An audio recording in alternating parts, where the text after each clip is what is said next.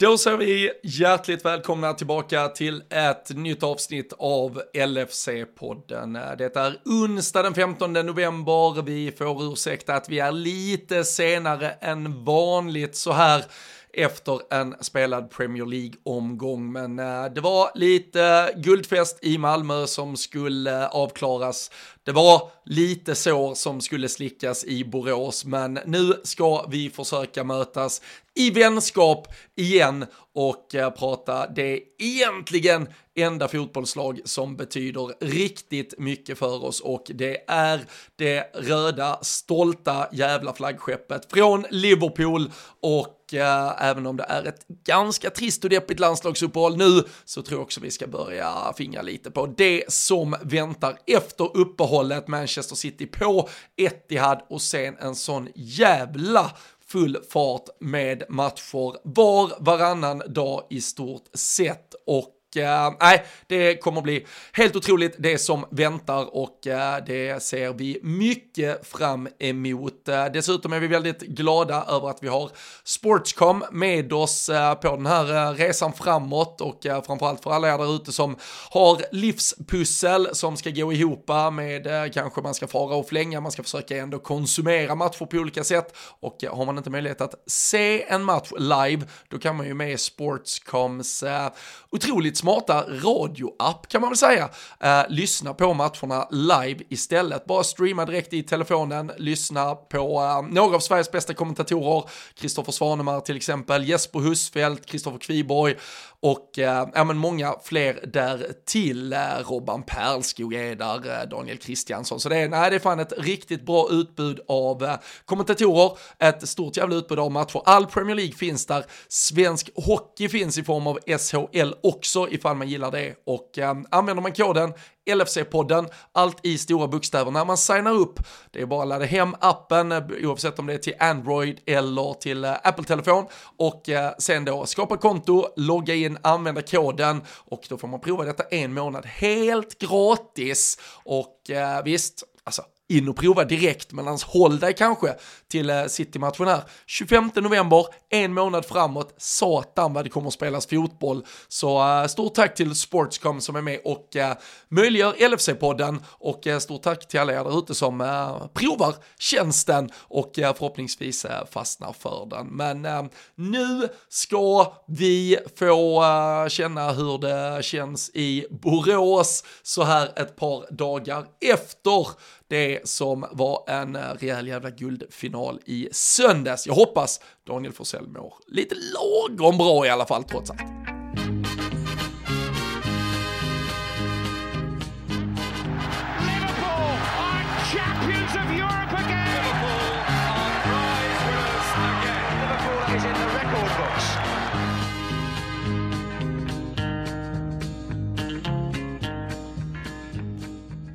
Ja men då öppnar vi även LFC-podden för de röster som inte har behövt sjunga guldsånger de senaste dagarna och eh, kopplar upp den vanligtvis väldigt gråa staden men nu lite silverfärgade staden Borås.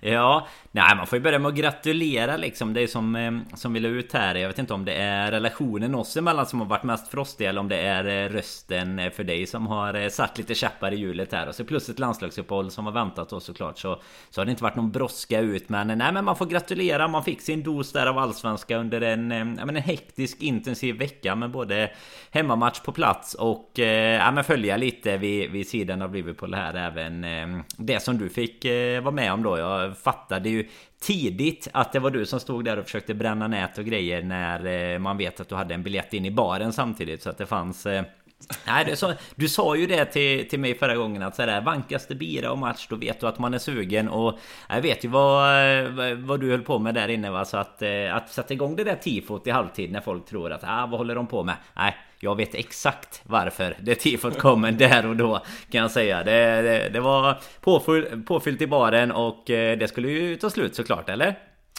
Äh, men äh, lite så. Det, äh, men det blev... Äh... Erkänn inget här nu på inspelat band där. nej, det, det, det, tror jag. Jag, jag, jag tror folk är, är klokare än så kanske. Men däremot så gav det mig faktiskt, ifall vi ska sätta det i någon Liverpool-kontext, faktiskt möjligheten att följa hela andra halvlek av Liverpool. För annars skulle ju matcherna gå helt parallellt. Men nu hann ju faktiskt Liverpool i stort sett spela slut innan andra halvlek av Malmö-Elfsborg mm. började. Så det var väl det var väl det lilla fina då i, i all den uh, turbulens uh, som, som uppstod där under halvtidsvilan. Men här hemma nej, kan vi säga att det var helt perfekt i alla fall. För det blev ju optimalt att man kunde, kunde ha fullt fokus. Det var ju annars det bekymret som var just att matcherna gick helt parallellt. Men man hann ju faktiskt se hela, hela andra halvlek tack vare det i, i så att säga lite mer lugn och ro sådär. Men nej, fy fasen. Det var en, en annan sak på plats såklart. Ja, nej, men så var det och uh, det var, ja, framförallt var det ju väldigt med, som sagt, jag, jag hade ju någon sån här res restaurangbiljett, så vi var ju där ett par timmar innan och så i paus går man upp och sätter sig tar en bira, eh, snurrar runt bland folk och så, så kommer ju eh, liksom ljuden i högtalarna att ja, men nu är det dags att gå ut till sina platser och sen kliver man ut och när man är på väg ut då är det nej nu ska ni sticka härifrån istället. Vad fan ska vi sticka härifrån? Vad, vad, vad händer nu liksom?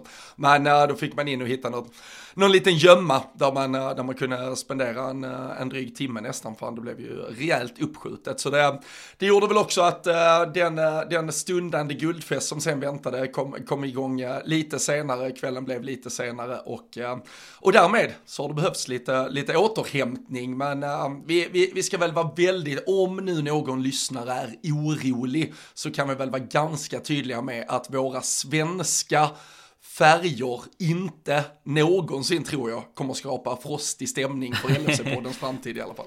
Nej, det, det, kan vi konstatera. Jag var... Det, alltså, jag är ju på den nivån att man... Så här, när, när, matchen var slut så var det så här, ja, det var ju synd att inte... Att det, alltså det var mer synd för staden i sig kanske ja. Om man säger så Framförallt för eh, Borås Alltså så mindre städer liksom När man väl är uppe och flyger lite Men alltså Ja man, man tuggade lite om det på jobbet eh, måndag morgon Och sen har det för min del varit eh, Ja men varit full fokus på annat i alla fall. Sen eh, förstår jag och har all respekt för att det är många som Inte har skakat av det sig så lätt Och många av de eh, kompisar som man själv har Som är lika investerade i Elfsborg som Som man själv är i Liverpool. Men för våran del så, eh, så blev det snarare Det blev en sån här vecka. Du vet det är som de, är det inte VM 94 krönikan? De pratar om att det är en cirkus som flyger förbi och sen ska folk glömma liksom. Lite så var allsvenskan sista veckan för oss. Och nu är vi tillbaka, nu fokuserar vi på en, eh, ja, men en förlust mot Toulouse kanske. Jag vet inte, sådana roliga grejer istället.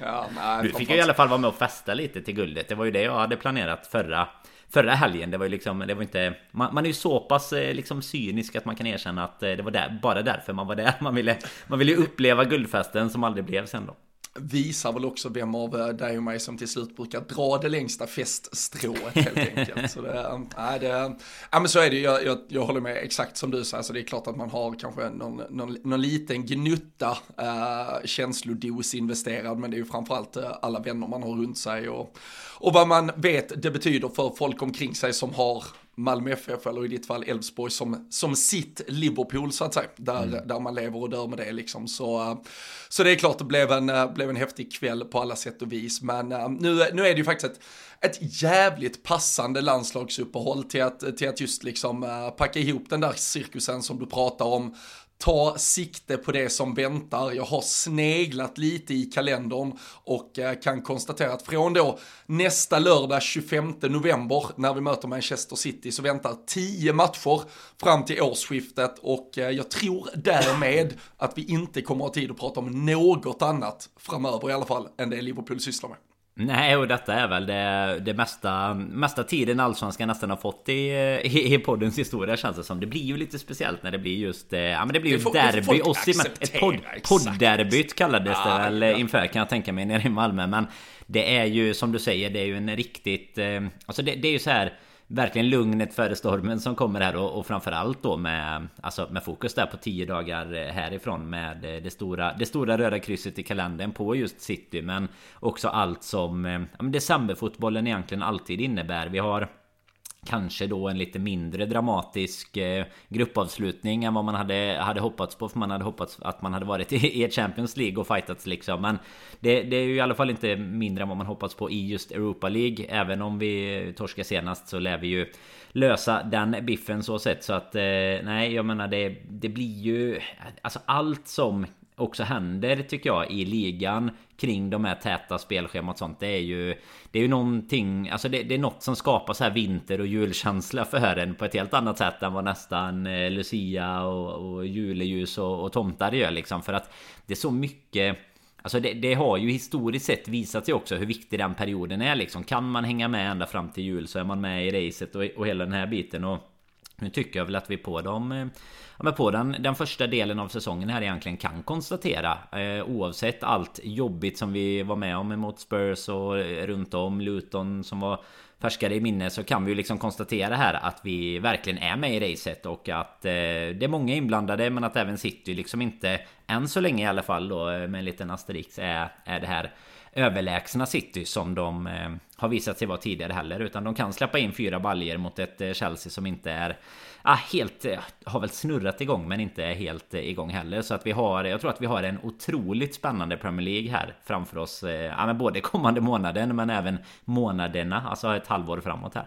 Mm. Ja, och det är ju, där, ska vi komma ihåg, för vad, vad har vi spelat nu? Vi har spelat 12 omgångar va? Mm. Och eh, vi kommer ju typ spela 12 omgångar till, alltså nu är det lite Europa League, det är lite ligacup, men sträcker vi på det i alla fall fram till kanske um, andra, tredje veckan i januari så, så kommer vi spela alltså lika många omgångar under den perioden som då startar här med City-matchen och typ en och en halv, två månader framåt som vi har gjort under hela den här hösten som har känts väldigt lång, men vi har ju mm. inte kommit jättelångt, så, så det är ju som du säger, det är, det är ju nu det verkligen växlar upp och um, jag tänker väl att vi använder dagens avsnitt till att lite stämma av uh, Liverpools utgångsläge både i Europa och i, i ligaspelet. Uh, lite lätt sådär kanske känna på, på det som väntar, det intensiva schemat, men nästa vecka sätter vi ju såklart eh, tänderna fullt i Manchester City och det toppmöte som väntar där på Etihad. Men Europaäventyret fick sig en liten törn mot eh, Toulouse eh, förra torsdagen.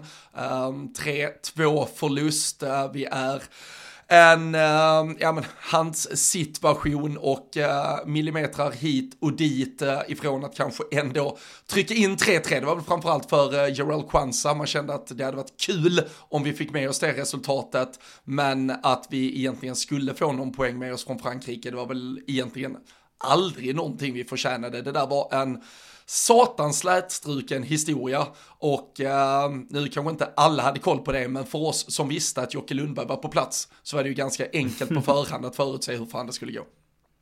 Ja men det, det ligger ju någonting i det i alla fall. Men nej men det var ju Fotbollsmässigt så var det ju ingen, eh, ingenting som man kommer att minnas med, med, med någon glädje och liksom någon eh, bravur i sig så. Det kändes ju Ja, men oerhört, alltså, jag vet inte om man ska säga slarv Men det, det kändes ju som att vi inte var riktigt så här påkopplade Och eh, dessutom då att man i slutet där kastas tillbaka till hela den här eh, Cirkusen som är var någonstans liksom när man först eh, Det vinkas för mål och sen ska man tillbaka och Kolla, jag kommer inte ihåg nu har det ju gått ett par dagar och ett par matcher sen dess Men det var ju någon så här, det var åtta eh, spelare emellan någonting från Hansen fram till eh, målet Eller ja, du vet, du vet vad någon så här mm. konstig någon sån statistik i alla fall där man minns tillbaka typ till eh, de här tiderna när, när folk fick straffar men så fick man straff och då fick det andra laget straff för det hade visst hänt något där 10 minuter tidigare. Alltså det här när man sprang tillbaka så att det, det är liksom Noll saker tycker jag nästan. Det hade ju varit kul såklart som du är inne på där för eh, Kwanza framförallt då just eh, ur eh,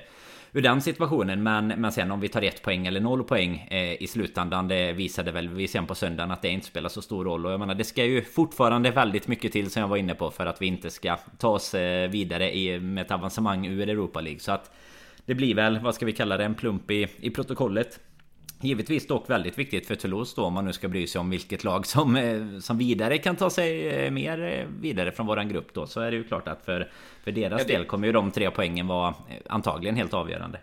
Ja, det är väl det. Ser man den eh, po poängen det i så fall hade varit så hade ju framförallt Toulouse varit på två färre och vi på en mer. Då hade ju skillnaden också varit 10-5 i den där toppen istället för 9-7 som, eh, som den är nu. Men uh, sen ska vi ju såklart, uh, vi, vi har Lins hemma uh, i, i nästa omgång.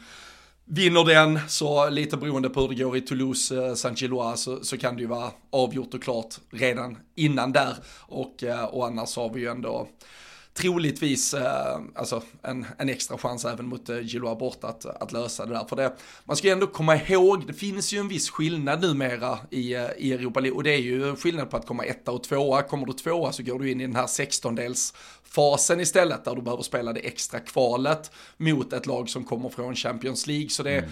det är ju klart att det är Alltså det är ju ändå superviktigt att vi vinner gruppen. Uh, sen så ska vi ju såklart ändå fortsatt göra det.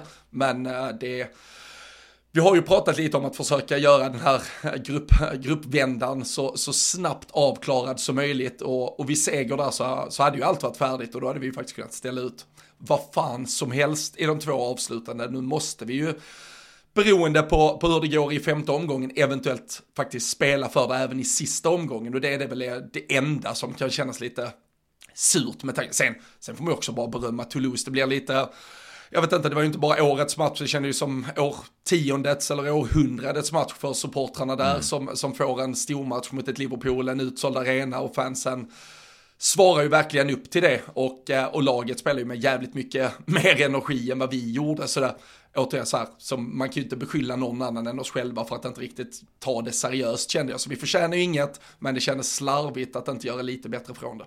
Ja, och det är som du säger, nu tar ju vi helt Liverpool-perspektivet och, och storklubbsperspektivet på matchen. Det är ju bara att jämföra med en, en Champions League-match som jag tror att eh, många av oss eh, följde. Jag vet ju att du och jag gjorde det i alla fall, där mellan FCK och eh, United. Där alltså, om man ska se det från det brittiska perspektivet, United åker till till ett litet FCK och ska, ska plocka sina pinnar Men för dem är det liksom en match som eh, Ja men hela, hela stadion bara kokar och det liksom eh, Sen på hela sättet matchen också utspelar sig Så blir det ju lite samma sak för dem här Även om de liksom Även om Toulouse tar, eh, tar ledningen med 2-0 Men jag menar det blir en 2-1 Sen en snabb 3-1 Sen hinner vi ändå då jaga eh, lite där med... Ska vi lägga till dock med, med Jota där. Det är väl något vi kan lyfta med oss från matchen. Det här mm. vi har sagt om att han är det här spjutet. Han kommer väl in i 80 eller vad det är och, och gör mål typ 10 minuter senare. Så att eh, det, det, här med att han alltid i alla fall levererar och gör mål. Det kommer vi ju till när vi ska till söndagens match med. Men jag menar just den, den biten får man ju såklart ha ett perspektiv att de... Eh, ja, hur mycket det betyder för dem, hur coolt det är att möta Liverpool hemma och sådär. Men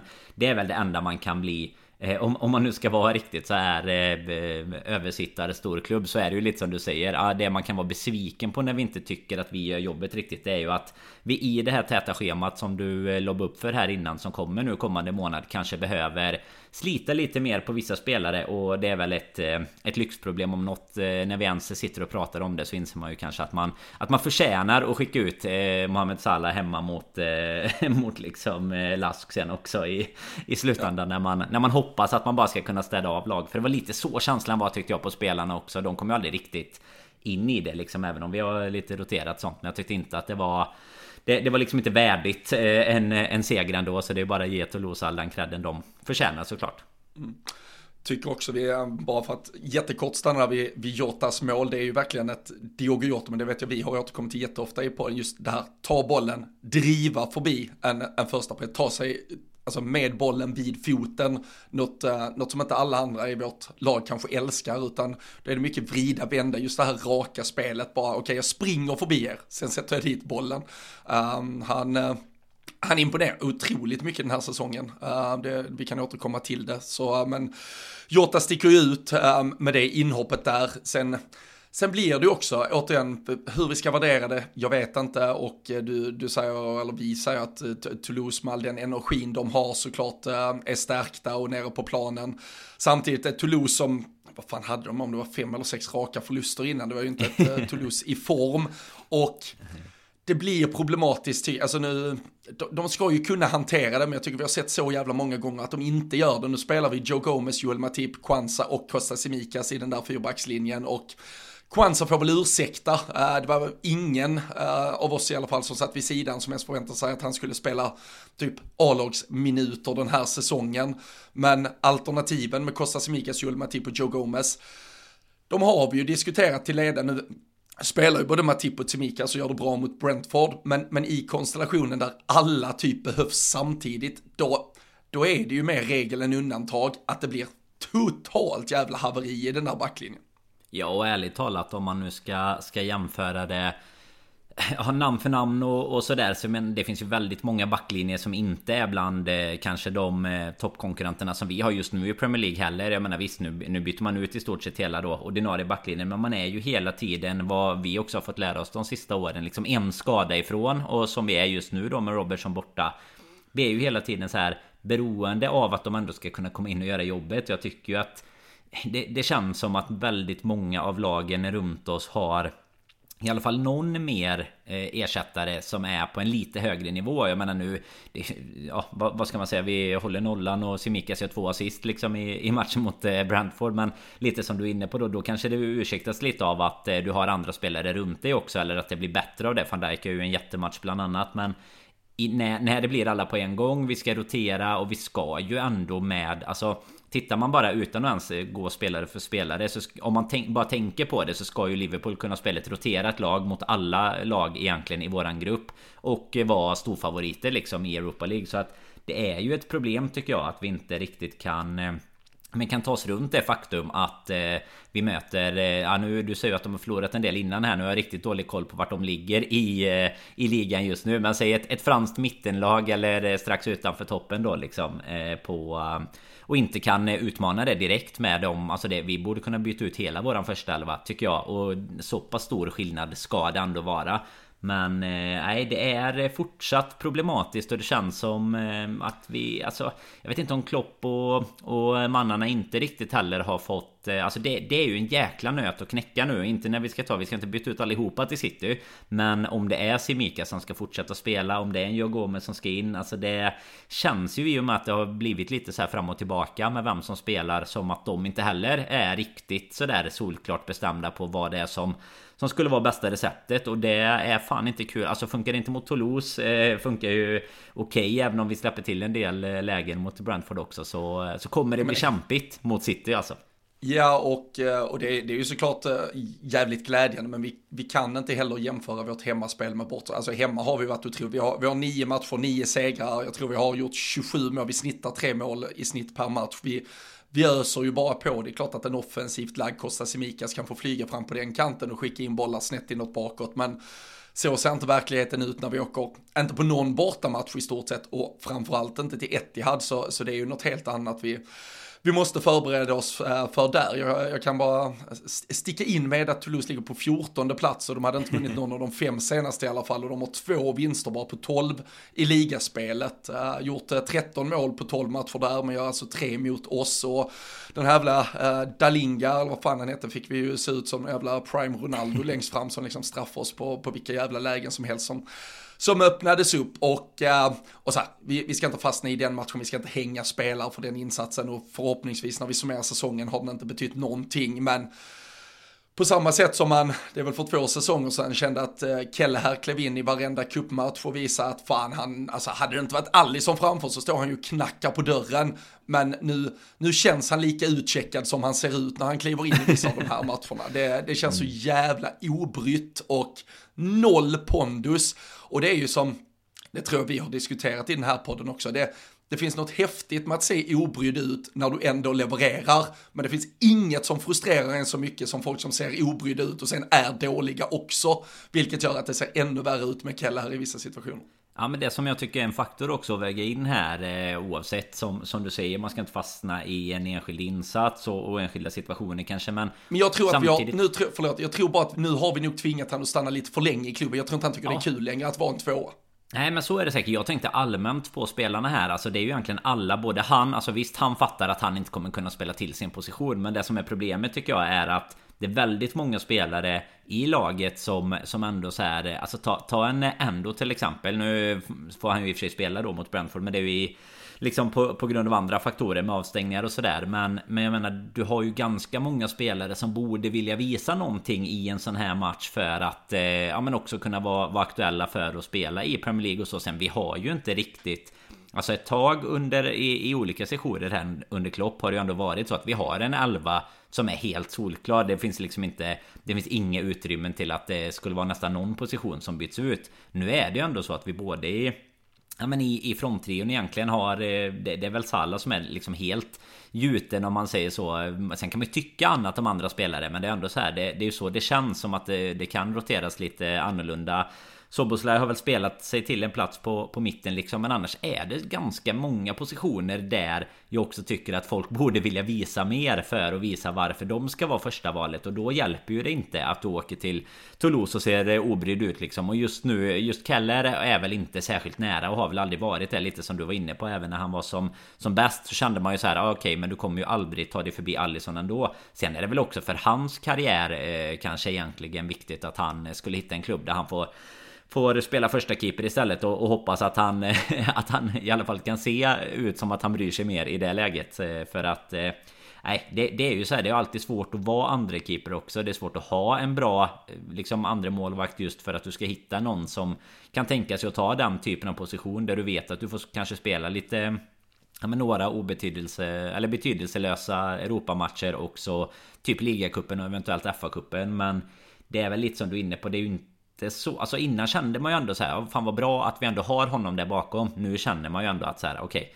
det, det, hade inte gjort så mycket om det typ satt en eh, Adrian där istället eller om det hade varit ett helt annat namn som vi hade plockat in i januari bara för att ha någon bakom Allison in, in worst case ungefär. Eh, absolut, utan det är väl dags kanske för honom att hitta en, eh, eh en klubb där han kan spela vecka ut vecka in istället.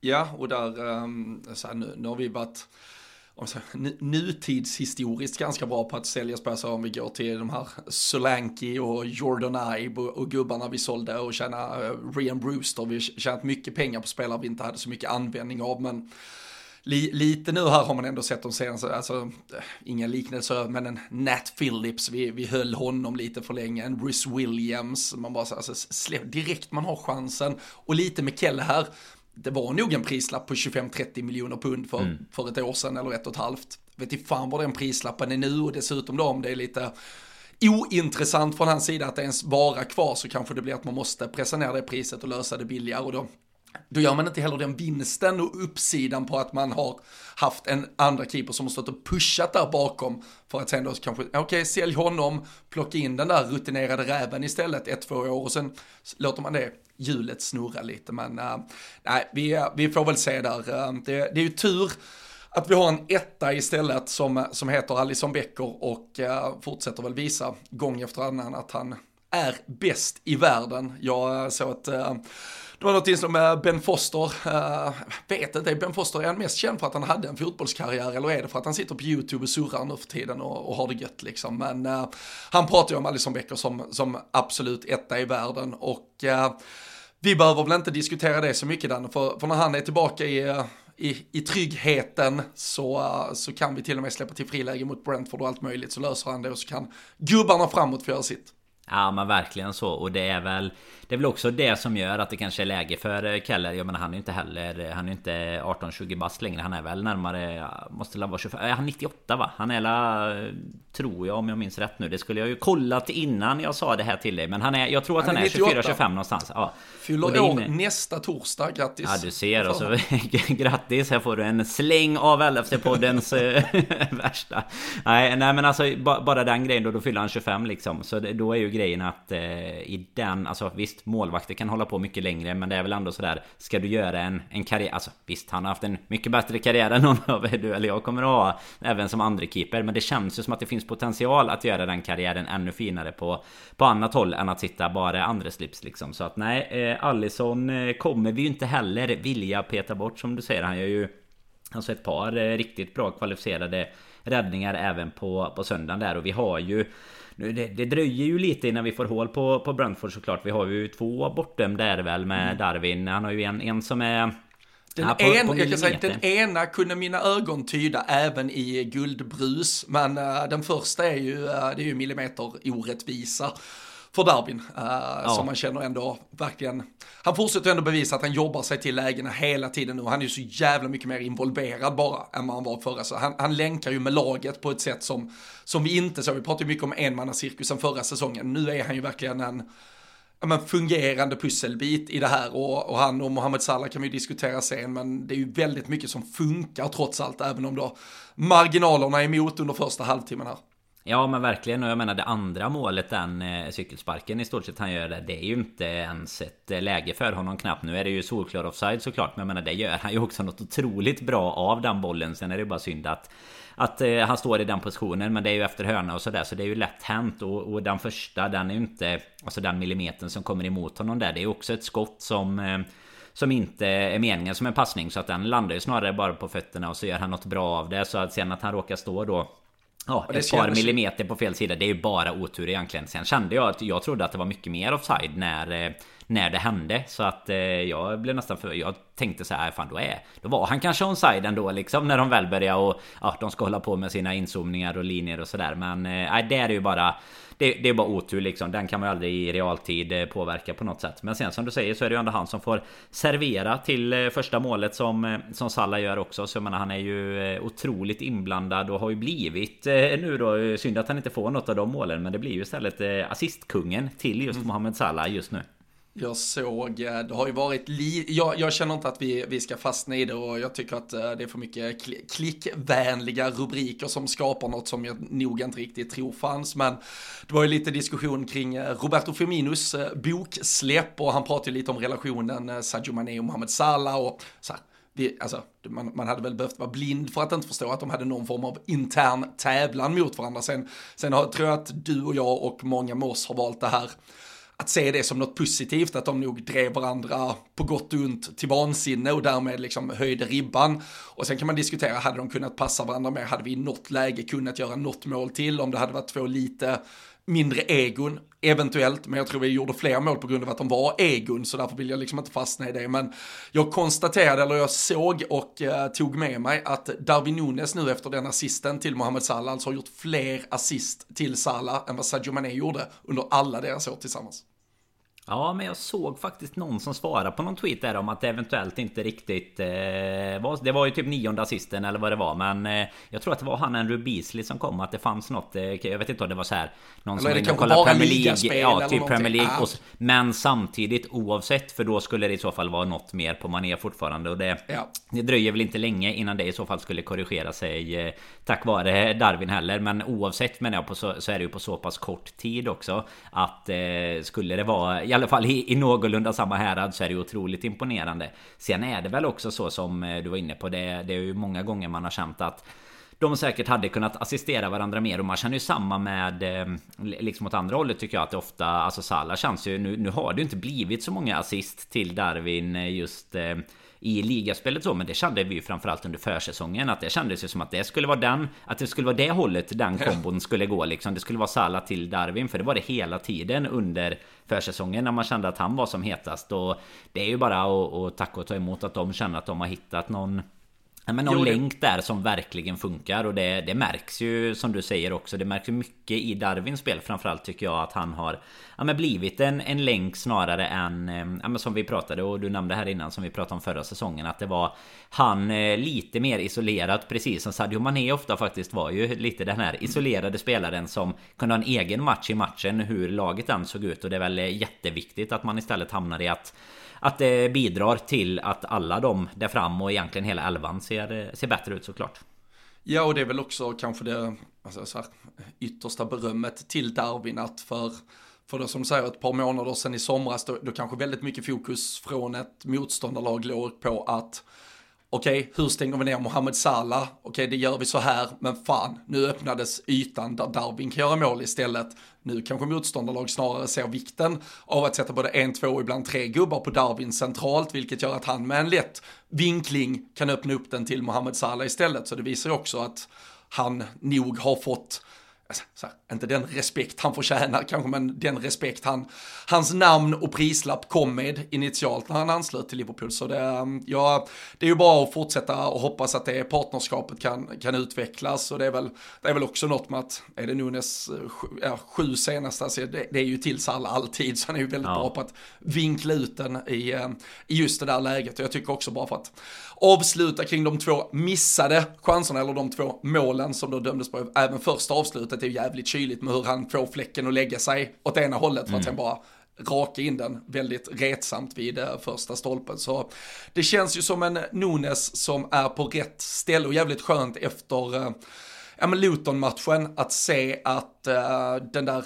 missen och att skriverierna ändå, man märkte de ville börja ta fart kring att, ah, kolla, han är ingen, han är ingen målskytt, han är, han, det är fortfarande för spretigt liksom, att det, jag tycker han visar, det är två, två klassavslut här mot Brentford, han visar hur involverad han är och uh, jag är övertygad om att vi kommer få, få se väldigt mycket Darwin Nunes även framåt. Även om det som vanligt är Mohamed Salah som till slut står där med statistiktrumf på hand. Nu, nu var det väl, eh, vad var det, hans eh, uh, 200 mål, eller vad hade vi? Ja, vi hade... precis. 200 mål i, eh, i England är det ju. Och så 149 ligamål tror jag att eh, det var om jag minns rätt från statistiken ja, där. Och det är ju helt galet alltså. Ja, och jag tror han har väl 119 då goal involvements på 117 Anfield-matcher var det väl också. Han har gjort mål eller assist i 15 raka matcher. Det sträcker sig tillbaka till februari på Anfield och, eh, och där är det, alltså nu, nu är man ju då lite sen,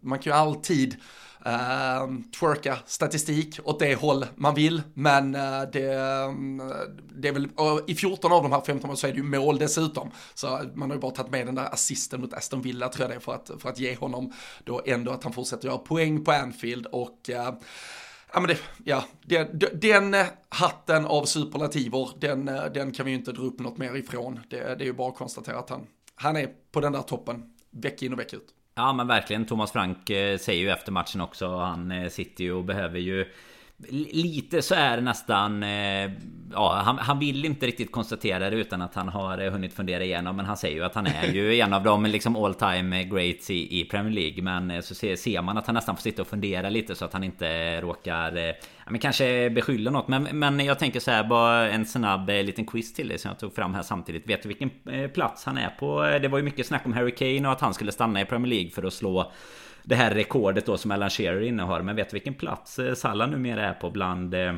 målskyttar genom tiderna då i Premier League ska vi ju säga. Det är ju inte... Det, fotboll fanns ju innan 92 också har vi ju konstaterat många gånger. Men i Premier League. Uh, men, uh, och då är det på att han hade, sa du att det var 149 ligamål? 149 ligamål ja. Det borde ta honom till en sjunde plats. Nej, det är lite sämre än så faktiskt. Han är precis utanför topp 10 och nosar. Vi har Michael Owen på 150 på eh, tionde plats. Så att ett mål till så är han med in på topp 10 och sen har han... Eh, det är en det sån... Är det, det, är ju... Ja, och det är faktiskt otroligt när man också kikar så här. Trianry ligger sjua. Då tänker man så här, alltså det, det, det finns några målskyttar eh, framför. Vad va har han upp till Henri då? Eh, han har 175 så 26 baljer då är det. Så det är väl eh, efter december här. Är han uppe.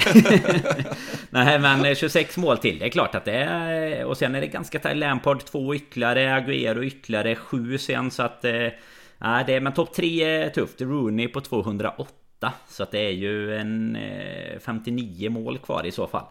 Ja. Att göra har, ju för att... har ju börjat sippras Att Liverpool ska erbjuda ett nytt kontrakt också.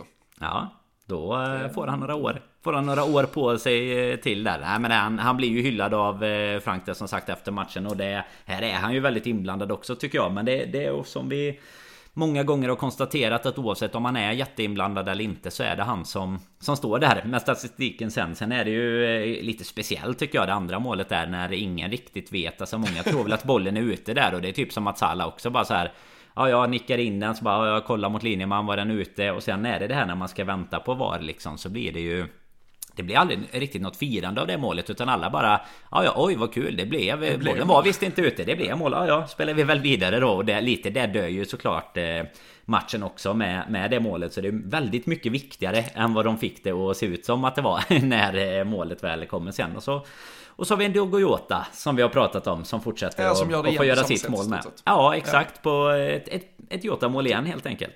Driver igenom ett, eh, ett par steg där och så avlossar han kanonen. Nej men det är ju... Eh, du en annan grej som jag kom på är bara, vet du vad på tal om eh, quiz här? Vet du vad Jotas 3-0 mål i 74 minuten också innebar?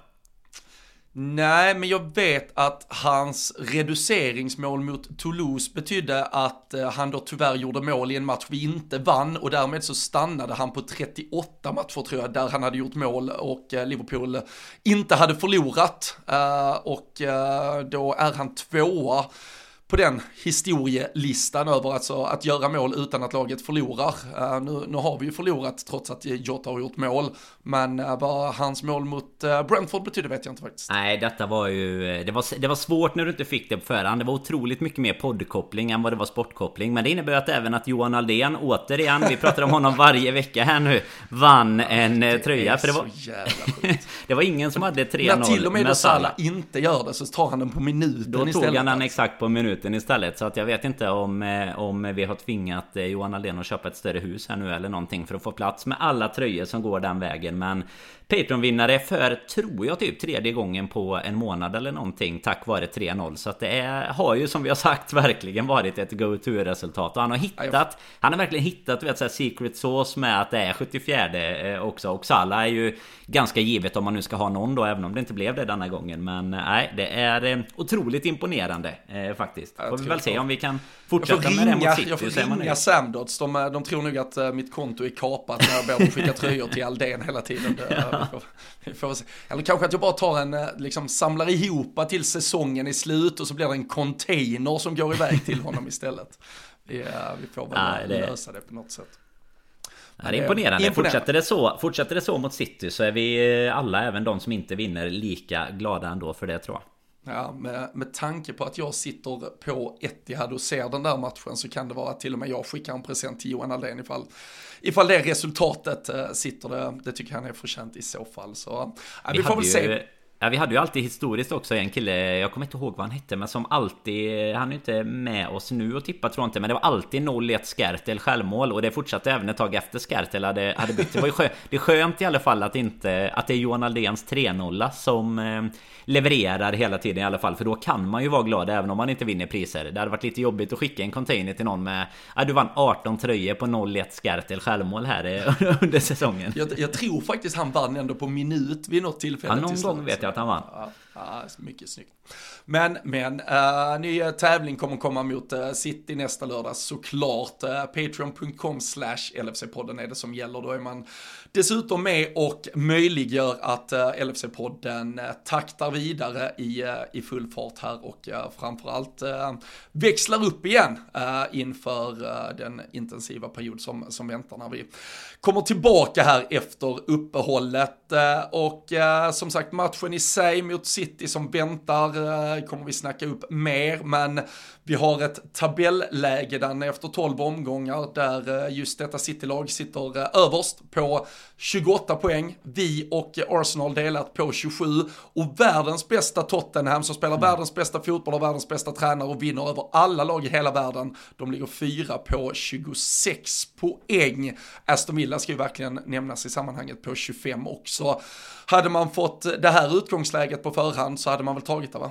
Ja men verkligen. Det är ju Villa ska ju som du säger verkligen nämnas där. De smyger ju med verkligen. Alltså bara tre poäng bakom toppen är fasen eh, sjukt ändå. Men eh, Spurs fick väl lite vad de Tycker jag i alla fall förtjänade till slut vad de har jobbat ihop till. Eh, de har ju tagit många, många poäng eh, på typ det sättet. De blir ju alltså utspelade i stort sett i 90 minuter. Men lyckas ju nästan ta med sig tre pinnar. Sen går det fort och så blir det noll istället. Men Toppmöte mot City. Eh, du, vi skickar över dig på plats så att vi kan eh, ha någon som skriker lite på gubbarna. Och jag menar nu är det ju lite, lite fler lag inblandade än vad det har varit ibland när det är när det har varit ett rakt toppmöte oss emellan Men det är ju sjukt vilken match eh, Vilken match det är på gång alltså. Det, det blir jäkligt häftigt att ha det utgångsläget. Och sen Det är väl lite ovärdigt såklart att ni ska behöva kliva in redan 12.30 Jag menar jag är ju lite orolig för om du ens ska vara Ska vara uppe med tuppen en sån, eh, en sån lördag liksom Om man har åkt över dagen innan men... Du, du borde ha Vakna gör jag alltid. Skicket kan ifrågasättas men att jag är vaken tidigt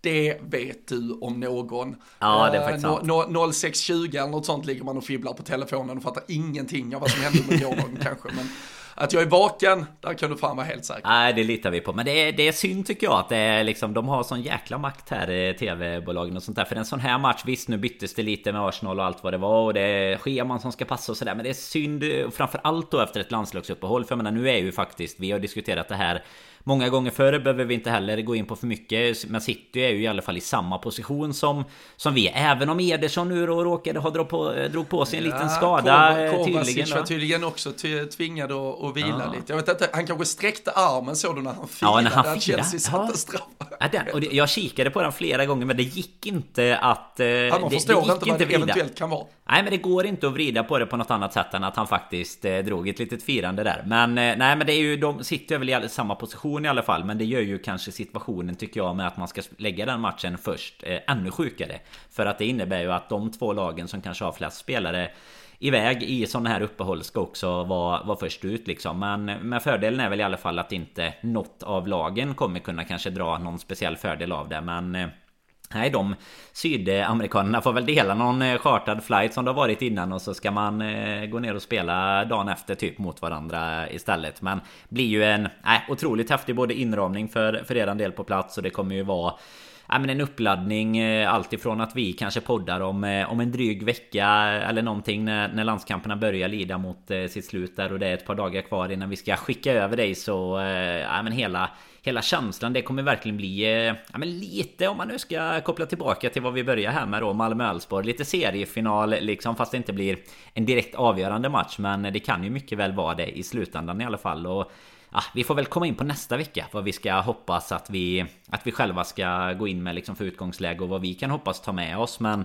vi får väl eh, se om det är både en Endo och en Simikas från, eh, från start i alla fall. Då vet jag ju en som, eh, som kommer stå där 11.30 i engelsk tid och, och svära lite extra på pungen i alla fall. en extra, en extra ja. stor öl kanske för att, ja. för att lugna sig. Ja, och jag tycker vi behöver inte gå in så mycket på liksom insatsen. Brentford blir ju ändå en 3-0 till slut, men Ja, vi kan konstatera så här, ändå har ju det fortsatt eh, tufft i, i matchen alltså. Sen, sen tycker jag ändå att man kan man, man, kan skönja vissa positiva bitar om man nu vill Om man vill se det positivt så kan man ändå känna att han i mångt och mycket har en mer defensiv position tycker jag. Han och, hjälper och ju backlinjen med. Exakt. Det, det, det, kan vi alla konstatera. Men där är någonting i tempot, där är någonting i någon oslipad uh, ja, men, uh, touch som, som saknas lite. Så det Ja, jag tror jag... att van Dijk, jag tror att van Dijk och Matip ser bättre ut den här matchen för att, eh, för att han är där. Sen hade han ju mycket väl kunnat åka ut på tal om Thomas Frank och han pratade väldigt eh, bra om det efter matchen att för ett par år sedan hade det inte varit ett rött men med tanke på hur, hur det numera bedöms liksom och, och när man har de här dubbarna i knät och i någorlunda fart in så, så eh, skulle han ju kunna vara utvisad men det behöver man ju i och för sig inte lägga på honom. Jag tycker det är en sån situation som det, det hade varit jävla otur för honom. Eh, det är inte så att han går in farligt egentligen på något sätt. Utan det blir ju att situationen blir som den blir. Ja, för sen är det, ju, det, det, det, som irriterar mig med sådana situationer. Om det, alltså, för det tror jag också vi har sagt här. Alltså, om du själv sätter dig i situationen att du kan bli utvisad. Då, då tycker jag också vi måste vara tydliga med kritik mot spelare innan vi kritiserar domare och VAR och mm. allt möjligt. Och här är det ju en dålig första touch av Endo som gör att bollen studsar typ en och en halv meter. Han måste kastas in i nästa situation. Alltså så här ta emot bolljäveln ordentligt först och så uppstår inte situationen. Så, så jag hade ju ändå varit, jag, jag, hade säkert, jag hade tyckt att ett rött kort var fel, men jag hade varit mer förbannad på Endo än på någon annan ifall det hade renderat ett rött kort. Sen, sen vi måste, alltså så här, om det är rött eller inte, jag, jag skiter nog i vilket någonstans, alltså så här, jag har blivit så trött på hur vi ens ska tolka den här jävla regelboken. Men när domarrummet behöver veva reprisen 13 gånger, då tycker jag man ska ja. konstatera att då var det ju inte ett solklart rött. Och Paul Tierney på plan, det kan man ju tycka vad man vill om, men han har ju inte ens blåst frispark, vilket i sig kanske är lite sjukt, för jag tycker absolut det ska vara frispark och kanske absolut vara ett gult, för det är ändå ganska vårdslöst mm. han kastar sig in i den där situationen. Men vi kan ju inte ha situationer där domare friar spel och sen vevar vi reprisen 13 gånger för att se ifall det var fel. Har vi inte sett att det var ett tydligt fel efter två eller tre repriser, då var det ju inte uppenbart ett hundraprocentigt fel. Så vad fan, då kan vi väl gå vidare med våra liv istället. Ja men exakt, då kommer vi till det här clear and obvious-läget. Eh, liksom. Där, där du kan, eh, ja, men kan veva allt i en evighet och då, eh, ja men som du är inne på, då blir det ju inte Då blir det ju inte clear and obvious att det var ett fel om du nu behöver veva det fram och tillbaka. Och sen, sen blir det ju ett lotteri om det nu blir rött eller inte. Det, det kommer man aldrig veta, man märker väl delvis att eh, folk när de pratar om det efter matchen också är lite så här uppenbart trötta på det. Att bara ja, ja, det, det kunde blivit rött så som man tolkar det nu. Men ja, oavsett i alla fall så har han ju, går vi tillbaka till hans eh, liksom positionsspel och eh, insats överlag oavsett om han skulle blivit utvisad eller inte så att säga. Så tycker jag att det är ju, det, det kommer ju vara tufft om eh, om det är så att vi, vi skulle spela honom mot City. Men det kommer vi ju tillbaka till nästa vecka. Då kanske man sitter och är jäkligt positivt här efter någon seger mot Tyskland eller något. Eller vad det var de gjorde när han var så jävla bra. Så att eh, ja, vi får väl se här.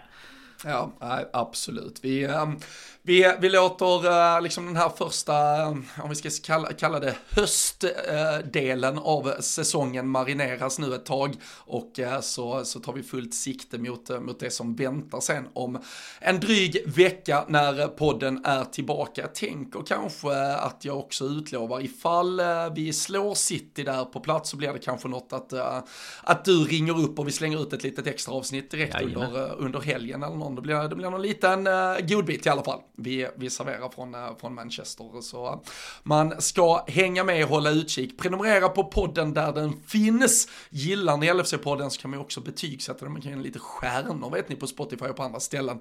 Gör det och eh, gå såklart också in på patreon.com slash LFC-podden så är ni med när vi tipstävlar, vilket vi gör varje vecka när det är ligaspel. Så häng på där. Som vi sa i början, Sportscom kan ni eh, testa helt gratis i en månad. Gör det också för skjutsingen. Använd koden LFC-podden när ni tecknar ert abonnemang. Gör ni det nu här i samband med att vi startar upp mot City igen så har ni ju eh, jävligt många matcher i alla fall att se fram emot och eh, kunna lyssna på. Framförallt så täcker det ju in runt de där juldagarna också när det kan vara intensivt om man inte hinner se allting. Så Gör det, ta hand om er, njut av eh, lite sådär fotbollsledighet, eh, försök i alla fall, så hörs vi snart igen.